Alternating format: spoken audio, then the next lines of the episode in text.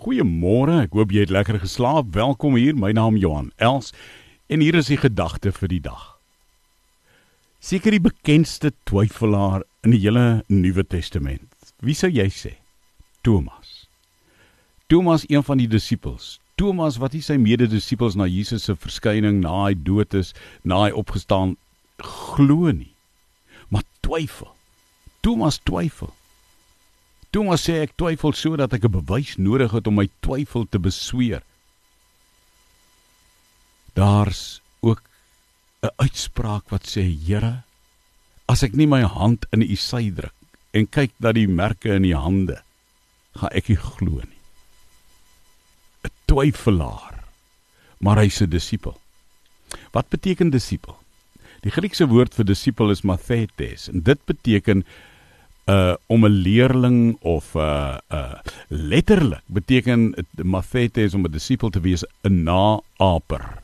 'n naaper.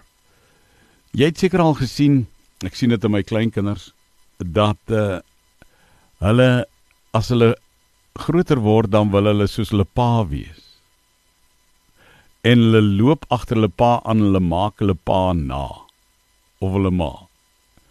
Hulle naap hulle pa, soos ons sê. Dis 'n letterlik wat 'n disipel is. Hy naap sy leermeester. Hy loop in die voetspore van sy leermeester.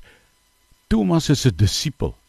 Hy's 'n naaper met respek gesê, 'n imitator soos die Engelse sê, van Jesus, sy leermeester. En dan twyfel hy.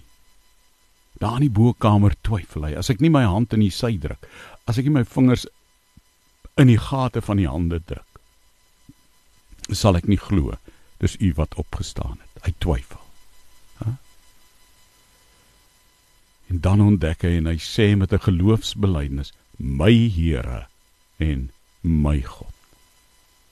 Wat 'n bevrydende oomblik om my twyfel na Jesus toe te bring. Hm?